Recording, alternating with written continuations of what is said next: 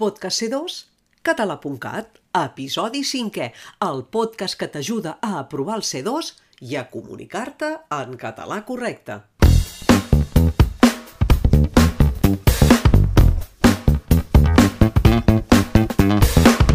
Al podcast anterior et vaig plantejar un enigma i ara te'l resolc. Fem memòria. En Jordi i el tutor d'una classe de primer d'ESO no es van entendre. Per què? On era el problema? El problema era en l'ús del verb estar. En castellà s'usa el verb estar en el sentit de presència o permanència en un lloc, en una classe, per exemple.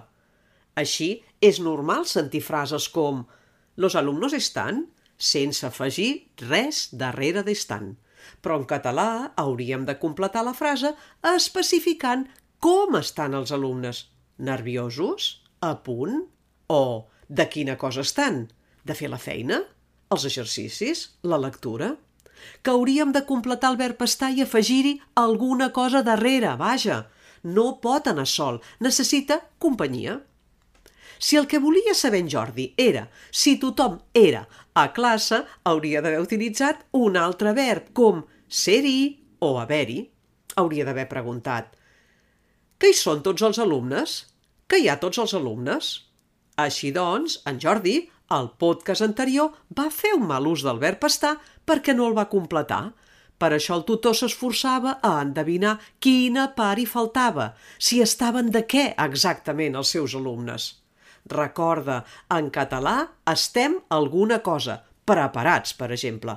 Estem d'alguna cosa, d'estudiar, per exemple, o estem en algun lloc, al poble tot el cap de setmana. Enigma resolt.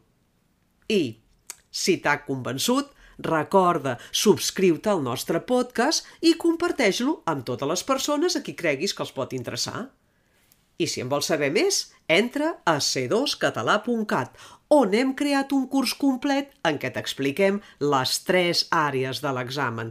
Coneix els consells d'examinadors amb anys d'experiència. Presenta't a l'examen sense dubtes. Nosaltres te'ls resolem. T'hi apuntes?